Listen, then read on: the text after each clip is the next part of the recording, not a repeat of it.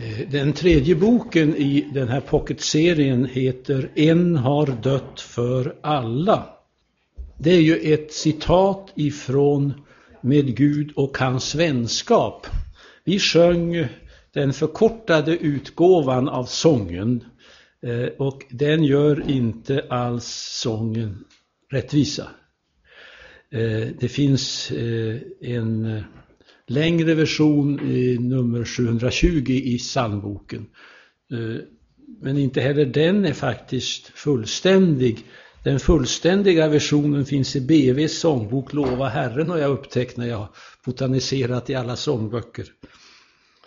Eh, och den vers som är centrum kring vilket allt vrider sig är vers 6 i psalmboken att mitt i min smärta för synder och brott är dock i Guds hjärta allt fredligt och gott.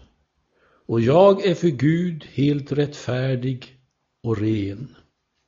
Ty en är för alla, ty en är för alla, rättfärdig, jag en. Och så versen innan Får Satan mig sålla och synd kräver död, jag likväl vill hålla i yttersta nöd den stora, den eviga sanningen ren, att en dött för alla, att en dött för alla och alla i en. Eh,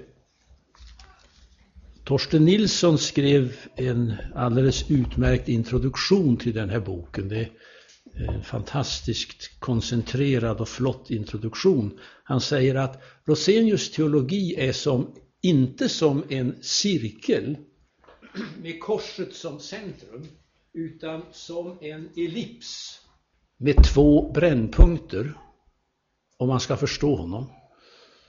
Och jag försöker nu presentera honom så nära hans egen position som jag kan och på ett något sådär begripligt sätt. Eh, Rosenius teologi har alltså två, en ellips med två brännpunkter.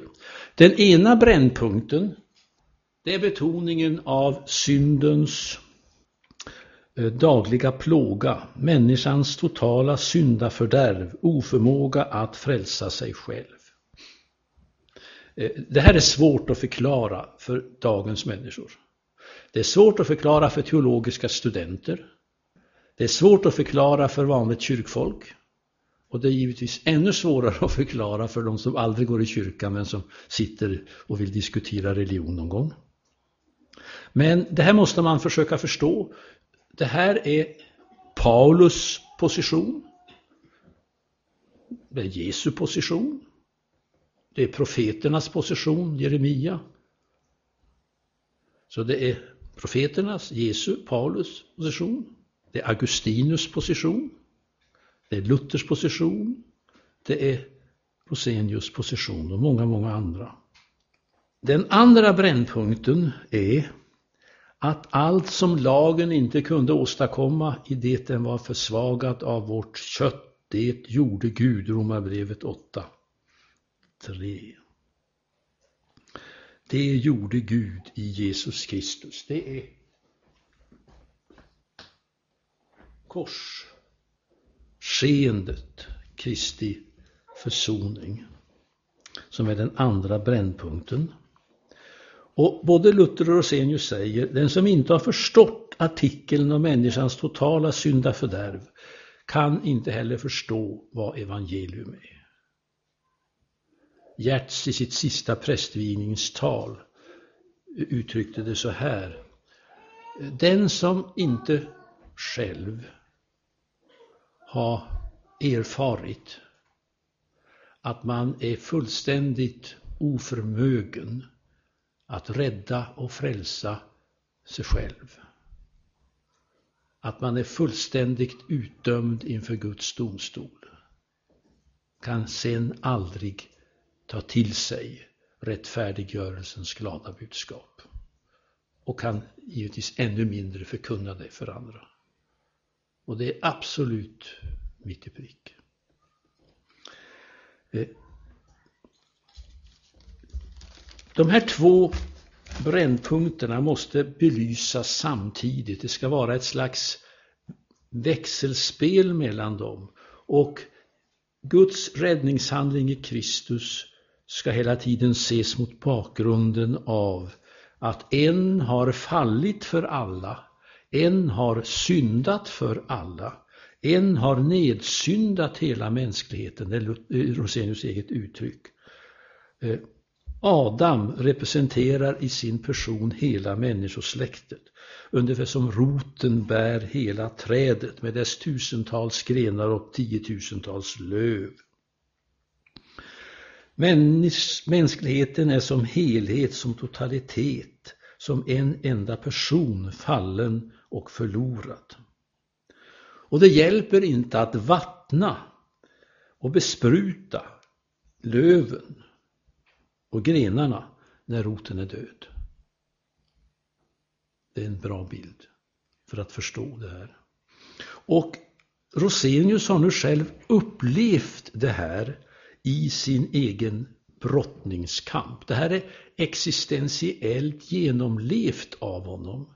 För han har satsat hela sin heta, uh, ungdomliga, gudfruktiga och fromma vilja på att vara helig som Gud är helig och har misslyckats. Och han ser även som firad predikant syndens rot i sin person. Syndafördärvet, köttet som Paulus kallar det. Och han lider av det, livet igenom, allt fort. Och det är ju därför som han, han eh, skriver att mitt i min smärta för synder och brott. Det är alltså inte något som han bara kände när han blev första gången omvänd eller första gången kom över till någon slags trosposition. Utan det är någonting som han erfar ofta. Ibland starkare, ibland mindre starkt givetvis. Och det enda som då han har att sätta upp emot det, och det är inte det, bara det enda, det är verkligen någonting som håller. Det är att en har dött för alla. Det vill säga, om en har syndat ned hela mänskligheten är det en annan, en andre Adam, Kristus, som har dött för alla. Och räddningen för mänskligheten kan bara komma genom en annan människa som representerar hela mänskligheten med dess brott och synder. Som Adam representerade den, men som därtill är sann Gud och som nu kan bota allt vad Adam har brutit. Så mänskligheten ses som inkorporerad i Kristus, ställföreträdaren. Och jag ska läsa här från sidan 7, en formulering som är bra. Luther säger bland annat i Galaterbrevskommentaren den stora till Luther låter den himmelske fadern säga till sin son du skall vara Adam som bröt mot mina bud i paradiset. Du ska vara Kain som dräpte sin broder. Du ska vara David som begick hor och mord. Du ska vara Judas som förrådde mig, Petrus som förnekade mig. Du ska vara allt vad alla syndiga människor i alla tider har varit och gjort. Bered dig att betala och lida för det. Detta är lösningen. Detta är räddningsmöjligheten. Detta är öppningen till att bli evigt räddad. Eh, och man kan använda många bilder, exempelvis bilden av att alla människors synder koncentrerar sig på Jesus Kristus från alla tider, de som har gjorts och de som kommer att göras. Det är som järnfilspånen som dras till en stor magnet. Det är Kristi törnekrona. Och där går Guds dom över all synd. Där betalar Jesus vår skuld och bär vår dom. Och därför så är sådana bibelspråk som Se Guds lam som bär bort all världens synd oerhört kär för Rosenius. Han citerar det i alla artiklar som handlar om korset. Eller Andra Korinthierbrevet 5, 21. Han blev gjord till synd, eller han blev ett med synden som det står i nya översättningen. För den måste sonas. Den måste försonas. Guds helighet kräver att domen går över all ondska som vi har gjort. Gud ser inte mellan fingrarna. Gertz brukade alltid säga det att eh, man läser fel när man säger så älskade Gud världen att han såg genom fingrarna på våra synder och förlåter dem. Eh, då har man missat hela evangeliet. Så älskade Gud världen att han utgav sin enfödde son för att var och en som tror på honom ska bli frälst och inte gå förlorad. Eh, och detta Kristi ställföreträdande lidande som sen kombineras också i Rosenius framställning med hans görande lydnad enligt den lutherska ortodoxin. Det är grunden för att Gud kan förklara den ogudaktige rättfärdig när du vänder dig till Gud och ber om förlåtelse och upprättelse. Och den rättfärdigheten den täcker allt du har gjort. Och den är då av två slag. Eh, eh, eh man har diskuterat Luthers syn på rättfärdiggörelsen. Eh, och det finns två eh, aspekter hos Luther. Den lutherska ortodoxin har bara lyft fram en aspekt, nämligen att rättfärdiggörelsen är en fri förklaring, är en rättfärdig förklaring av syndaren när han söker förlåtelsen hos Kristus. Och det är utan tvivel den grundläggande aspekten hos Luther. Och den utvecklar Melanchthon och den lutherska ortodoxin. Men, men, det kan ju bli någonting rätt mekaniskt ibland. Det är risken med det. Men själva kärnan i det, den pastorala kraften i den är att du riktar blicken hundraprocentigt bort från dig själv och vad som nu eventuellt sker i dig av en förändring och förvandling. Du riktar dig helt emot Kristus och den rättfärdighet som han vinner åt dig på korset och som han kläder dig i och som dopdräkten är en sinnebild för. Som eh, alban är en sinnebild för när prästen kläder sig. Och då täcker ju så att säga alban alla skavanker. Det är väldigt skönt för en präst. Han kommer i jeans eh, och har inte haft tid att ta på sig något bättre men så tar han på sig alban och ser han ju fin ut ändå. Om vi tar den bilden. Alltså, eh, när vi täcks av Kristi rättfärdighet fullständigt så finns fortfarande syndafördärvet kvar i oss. Men skulden inför Guds tron är borttagen och Gud har avkunnat en dom. Du är frikänd. Du är rättfärdig. Du får tillträde till mig fullständigt. Samtidigt så talar Luther också om att, framförallt i Galaterbrevskommentaren, att eh, samtidigt som vi rättfärdig förklaras så börjar Gud rättfärdiggörelsen av oss. Han börjar förändra oss. Vi blir pånyttfödda. Det sker en nyskapelse av oss. Men den nyskapelsen är alltfort bara delvis. Under det att rättfärdigförklaringen är hundraprocentig. Du kan inte bli mer Guds barn. Mina fyra döttrar kan inte bli mer döttrar till mig och min hustru. Även om de blir aldrig så begåvade och duktiga och vackra och goda och märkliga på alla möjliga sätt. De blir inte mer mina barn för den skull. Du kan inte bli mer Guds barn än du har blivit när du har tagit emot Kristi rättfärdighet. Den som du så att säga fick när du döptes, den som du kanske struntade i väldigt många decennier och som du sen blev omvänd på nytt att ta emot och ikläda dig i tron.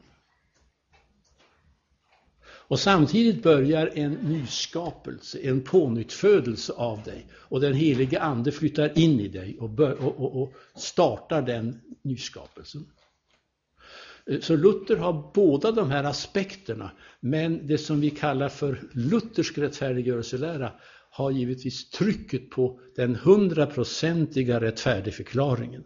Därför att omskapningen till Guds avbild är bara delvis här och nu. Förstår ni skillnaden? Och det här har en väldig själavårdande betydelse. För om man hela tiden ska titta på sig själv och liksom läsa i fromma böcker vad som kännetecknar en sant omvänd människa och så har du en diagnos som sträcker sig 150 sidor och så testar du det mot den. Ja, efter sidan två så är du helt dömd till helvetet och du är helt oomvänd tycker du. Och det var det som Rosenius reagerade emot så väldigt häftigt. Alltså då skulle han aldrig själv kunna anses som kristen. Och samtidigt så följer han Luther, vilket man kan se när man läser hans skrifter. Helt omedvetet tror jag många gånger, för han kan Luther bak och fram till in, invärtes. Han, han talar också väldigt starkt, eh, Rosenius, om pånyttfödelsen som sker. Mycket, mycket starkt om det.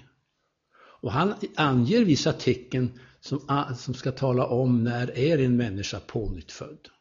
Men hela tiden när han talar till den anfäktade kristne som ser sin synd, som misslyckas som kristen, som sviker Kristus, som svär till när han blir rasande arg och som skäller på sin hustru och som är dålig mot sina barn och som eh, ja, inte är riktigt schysst på jobbet och som skäms att bekänna evangeliet och så, som inte klarar av barnen och som känner sig otillräcklig och så vidare.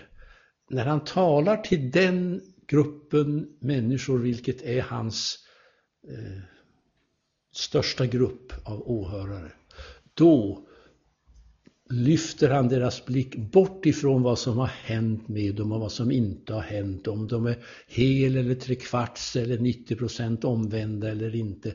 Utan då säger han, Gud så att säga har vänt sig till dig hundraprocentigt i Jesu försoningsstöd. Allt som kan anklaga dig är borttaget. Och du får tro detta och ta det till dig och leva i detta. Och det är just den typen av förkunnelse som, som har gjort att Rosenius upplevs som så relevant och så frigörande. Och jag, jag, kan själv alltså märka hur olika spiritualiteter påverkar mig själv olika. Eh, jag tror det var 2002, om jag nu eh, gör något mycket orosenianskt och berättar om mig själv. Jag var i tre olika sammanhang. Tre olika spiritualitetssammanhang samma sommar och höst. Jag var först på Prästoas på Rättvik. Och där upplevde jag segermotivet, segerkraften, den helige Andes kraft närvarande och utgjuten. Och jag åkte hem väldigt glad, liksom full av fighting spirit. Så kom jag till Sankt Davidsgården och skulle leda retreat för Johannelunds studenter. Och eh, gick själv väldigt djupt in i den. Dels så skulle jag ha bibelstudierna och dels så brottades jag själv med Gud. Och eh, var anfäktad. Och jag, jag, jag, upplevde lite grann av vad Luther måste ha upplevt under sin tid som munk. När man liksom är alldeles ensam med Gud, länge i tystnad. Och så börjar Guds ord att tala till en. Och i det här fallet var det lagen som talade. Och eh, jag började skaka i mitt inre.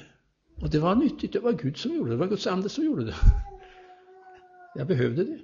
Och så fick man då på nytt kasta sig på Kristi fullbordade försoning som grund att gå vidare. Och så kom jag till Norsk Luthers Missionssamband på ett inre missionsmöte, eh, predikantmöte och skulle tala över eh, Andra Korinthierbrevet 3, mm, 4, 5 om försoningen och försoningens tjänst. Och, och eh, fromheten där, spiritualiteten där är oerhört starkt koncentrerad, roseniansk, på Kristi fullbordade frälsningsverk. Och Guds ande liksom gav sin sanktion åt detta. Och så att säga, vi blev gladare och gladare. Så, så, så sista dagen var det nästan eh, något av en extatisk glädje över Tänk att vi var helt accepterade av Gud. Trots alla våra ömkligheter och syndigheter och bedrövelser. Så liksom eh, en oerhörd inre frigörelse. Ja. Och jag tror att eh, de här typerna av spiritualitet, de, de emanerar alla från Guds ord, de emanerar alla från, från, eh, från Kristus och från den heliga Ande. Men det är helt klart att eh, själva grunden, den, den bärande tonen, orgelpunkten, det är Kristi fullbordade försoningsverk för oss. Och när den heliga Ande gör det levande, då fröjdas vårt hjärta. Då fröjdas vårt mod. Se här är nu grunden för lycka och frid i hårdaste stunden av kval och av strid. Om mig än försmäkta min kropp och min själ, när dig blott jag haver, när dig blott jag haver, o Gud, är allt väl. Det är någon av sångerna som talas om att då livas vårt mod. Ja, där har vi vers 5. Den molnstod oss höljer och leder vårt tåg, den klippa oss följer med springkällans våg. Är Kristus hans kärlek och renande blod, där lever vårt hjärta, där fröjdas vårt hjärta, där livas vårt mod. Detta är Rosenius stora mm, gåva till oss i sina skrifter, att lyfta fram detta. Och det kan inte uttryckas på ett eh, tydligare sätt än han gör det i, eh, i dagbetraktelsen. Och jag tar den här nyaste. Jag hör hans röst, två delar, som Ivan Hellström sammanställde. Men den finns inte heller att köpa längre. Eh, Rosenius lägger ut i Fesebrevet 6.16 Ta under alla förhållanden trons sköld, ty med den kan ni släcka alla den ondes brinnande pilar.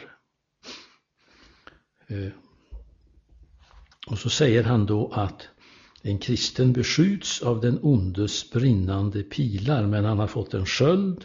Det är trons sköld som är Jesus Kristus själv och allt vad han har gjort för oss.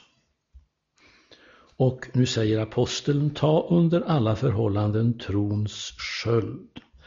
Det här är alltså det viktigaste av allt, att genom tron hålla fram Kristus och hans ord och löfte, ja, att gömma sig bakom honom som är vår medlare och vår försvarare. Det är bara på det sättet vi verkligen kan hålla stånd och finna skydd mot djävulens våldsamma angrepp. Trots allt som Guds nåd kan ha verkat i oss, så har ju djävulen rätt när han talar om den synd som ändå finns kvar. Det hör då till trons konst att hänvisa till Kristus och säga det är jämmerligt att jag ännu ska vara så eländig, men Gud vare tack. Jag har dock en annan som inför honom är min rättfärdighet. Du arge Satan som uppfyller hela mitt väsende med så mycket ont, du vill nu skrämma mig till döds. Men det ska en annan förbjuda, han som heter Jesus Kristus. Han är min evige och trofaste frälsare, min fulla och tillräckliga rättfärdighet. 2. Det är sant att jag inte är så omgjordad med sanningen som jag borde. Det finns mycket falskhet i mitt hjärta. Men jag känner en man vars sida stacks upp med ett spjut I den sidan är det hjärta som är helt uppfyllt med sanningen. Det är min sköld mot dina glödande pilar. 3. Det är sant att mina gärningar ännu är så skröpliga. Men jag har sett en man med genomborrade händer och fötter. I de händerna är mina goda gärningar. I de fötterna är min goda vandel. Är inte Kristi gärningar mina, då vore jag ju evigt förlorad. Det är sant att jag ännu har så många onda tankar och det plågar mig ständigt. Men jag har sett ett heligt huvud med törnekrona. I det huvudet är mina goda tankar. Jag ville så gärna att min egen kristendom vore fullkomlig. Det är ingenting jag så mycket bett om. Men gäller det min salighet, då säger jag så. Jag vill ingen annan rättfärdighet ha än Kristi rättfärdighet. Håller inte min kristendom provet, så håller hans. Därför är han mig så kär och omistlig. På det sättet kan vi nu använda trons sköld och utsläcka den ondes brinnande pilar. Detta skulle jag vilja påstå är Rosenius största och viktigaste gåva till oss att lyfta fram Kristus på detta sätt. Och nu ska jag försöka gå in i vår dagssituation och jag ska göra en liten jämförelse mellan Ove Wikströms Nådens ordning som jag tycker är ett utomordentligt eh, försök att använda nådens ordning på ett riktigt sätt utan att fastna i en schematism som är förödande. Och jämföra med, med Rosenius. Eh, ni känner säkert till eh, Ove Wikström, professor i religionspsykologi i Uppsala. Eh, han har skrivit om nådens ordning i sin bok Det bländande mörkret. Han talar om eh, eh, sju olika faser i vägen till saligheten. Det är saknaden Gud anas. Eh, den delen eh, tar aldrig Rosenius upp nästan. Men sen kommer Ove Wikström till försmaken, Gud lever. Uppgörelsen för det tredje, Gud kräver. Nåden, Gud skänker. Eh, och vi ska stanna upp inför det ett litet tag. Och jag ska bara lyfta fram vad Ove Wikström säger om detta. Försmaken, ja det motsvarar kallelsen i hjärtsnådens ordning eller chartasnådens ordning. Försmaken Gud lever. En människa som har levt eh, helt ointresserad av religion börjar plötsligt genom något som händer ana att Gud kanske finns. Det är då det första steget och så upplever hon att Gud lever. Det finns en personlig Gud. Det finns något som motsvarar hennes längtan. Och då är det en upptäckarglädje som givetvis fyller henne, en tid av hänförelse. Bönesvar konkreta. Och jag, jag, jag, refererar honom därför att jag skulle kunna ge så mycket exempel från mina samtal med Johannelunds elever på det här. Så jag skulle kunna fylla lång tid med det. Men så säger Ove Wikström att än är man långt ifrån omvänd. Det kallas en sötma som icke är detsamma som ljuset. Det är alltså att vara väckt enligt Dosenius. Och för att vidmakthålla den här känslan nu så söker man mera av Gud. Och har man då mött Gud i ett karismatiskt sammanhang så söker man mera av karismatiska upplevelser. Har man mött Gud i ett liturgiskt sammanhang så söker man mer av liturgiska rika gudstjänster. Har man mött Gud i ett sammanhang med en duktig predikant så söker man bättre och bättre predikningar. Och har man mött Gud initialt i kyrkomusik, i konst, i estetik, så är det ännu bättre föreställningar av Bachs oratorier eller det är ännu mer god gospelmusik eller det är ännu mer lovsång. Men det är hela tiden på sinnenas nivå. Det har inte gått ner till samvetet. Som är den punkt där Rosenius rör sig, där Luther rör sig. Det är på sinnenas nivå. Och Gud vill nå längre. Det är Guds gåvor man är intresserad av. Man har inte kommit så långt att det är Gud själv man är intresserad av. Det är mera gudsnjutningens tid än gudsfruktans tid. Och eh, med det här så eh, vill jag på inget sätt, eh, vad ska vi säga, nedvärdera karismatiska förnyelseerfarenheter, tvärtom. Eller nedvärdera en rik liturgi eller nedvärdera bättre predikningar, för det ber vi ju alla om att vi ska hålla. Eller nedvärdera kyrkomusik eller sången och musiken har ju haft en enorm evangelisatorisk effekt i den kristna kyrkans historia. Man är ju en dåre om man förnekar det. Eh, nej, allt detta är goda Guds gåvor, men först ska korset komma och sen allt det andra. Inte det här först och sen korset som bara någon from knorr på det hela som inte betyder något så mycket. Och det är helt klart att det här är oerhört viktigt i ett ungdomsarbete.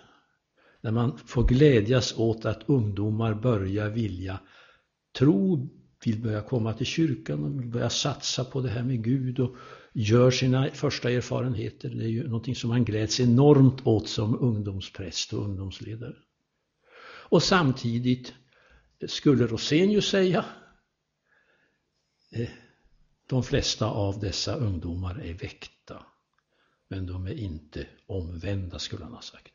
Det är rätt så tuff karaktäristik.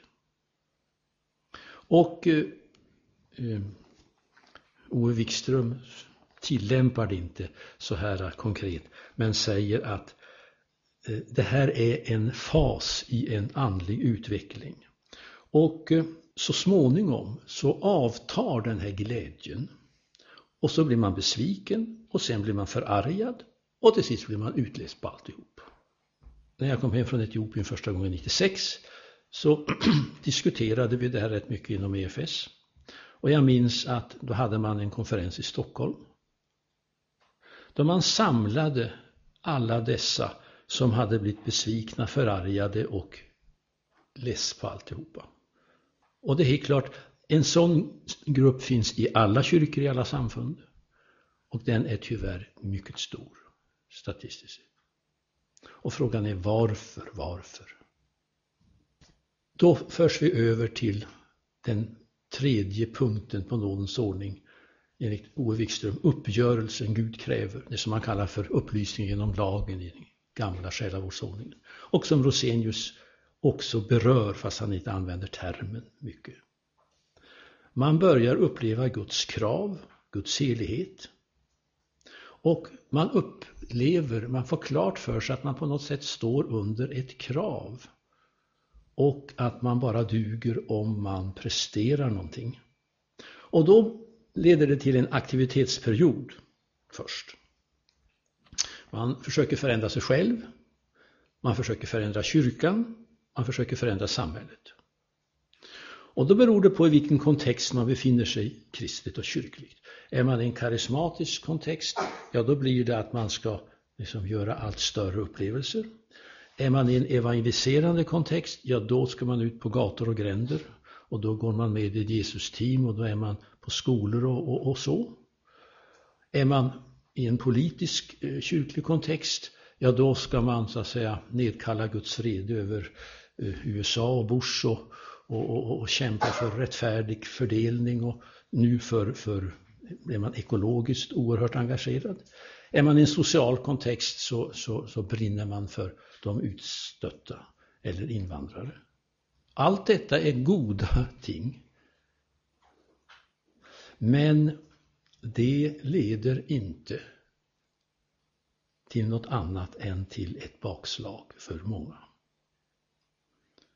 Det är bra att man vill göra något för Herren och för sina medmänniskor. Men Rosenius skulle säga att när man möter den helige mer och mer och inser att man har del i världens bortvändhet från Gud mer och mer. Och man får en större och större insikt om sveken i sitt eget liv. Då kommer liksom den avgörande frågan. Hur ska man gå vidare? Och där är då det väldigt många som vänder kristendomen ryggen. Och väntar inte på det fjärde stadiet, nåden. Och hur kan de vänta på det om de inte får en rätt förkunnelse och undervisning i den kyrka dit de går? Om inte korset spelar någon roll annat än möjligtvis som ett tecken på det lidande som går genom världen. Som ett incitament till en eh, kärleksfull handling. Men där Kristi försoning inte spelar någon roll. Som i en kyrka utanför Uppsala på långfredagen häromsistens när prästen säger gråtande, jag begriper mig inte på det här. Och säger amen och sätter sig. Ja, ja det, det här har hänt. Alltså, när, när, när, när Kristi ställföreträdande försoningsgärning är fullständigt utraderad ur ens teologiska medvetande och inte spelar, har spelat någon som helst operativ roll i sitt eget liv. Eh, och, och, och det här alltså som budskapet om nåden alena som Gud skänker oss på grund av Kristi försoning är det som kan föra alla de här olika grupperna rätt och sen kan de så att säga som konsekvenser av sin erfarenhet av att vara accepterade, förlåtna av Gud fortsätta att vara karismatiska, att vara evangeliserande, att vara Eh, politiskt och socialt aktiva för en rättfärdig värld driven av, av, av Guds kärlek och rättfärdighet och den helige Ande. Men grunden är vad Jesus Kristus har gjort för mig. Det är drivkraften. Och detta måste få prägla då sen vår undervisning i barn och ungdomsarbete, i förkunnelse. På den nivå där folk och ungdomar är mogna för att ta emot det. Men alltså korset först och sist. Kristus först och sist. Guds nåd först och sist. Det är det arv som jag tror vi kan och behöver ta emot från Rosenius. Amen.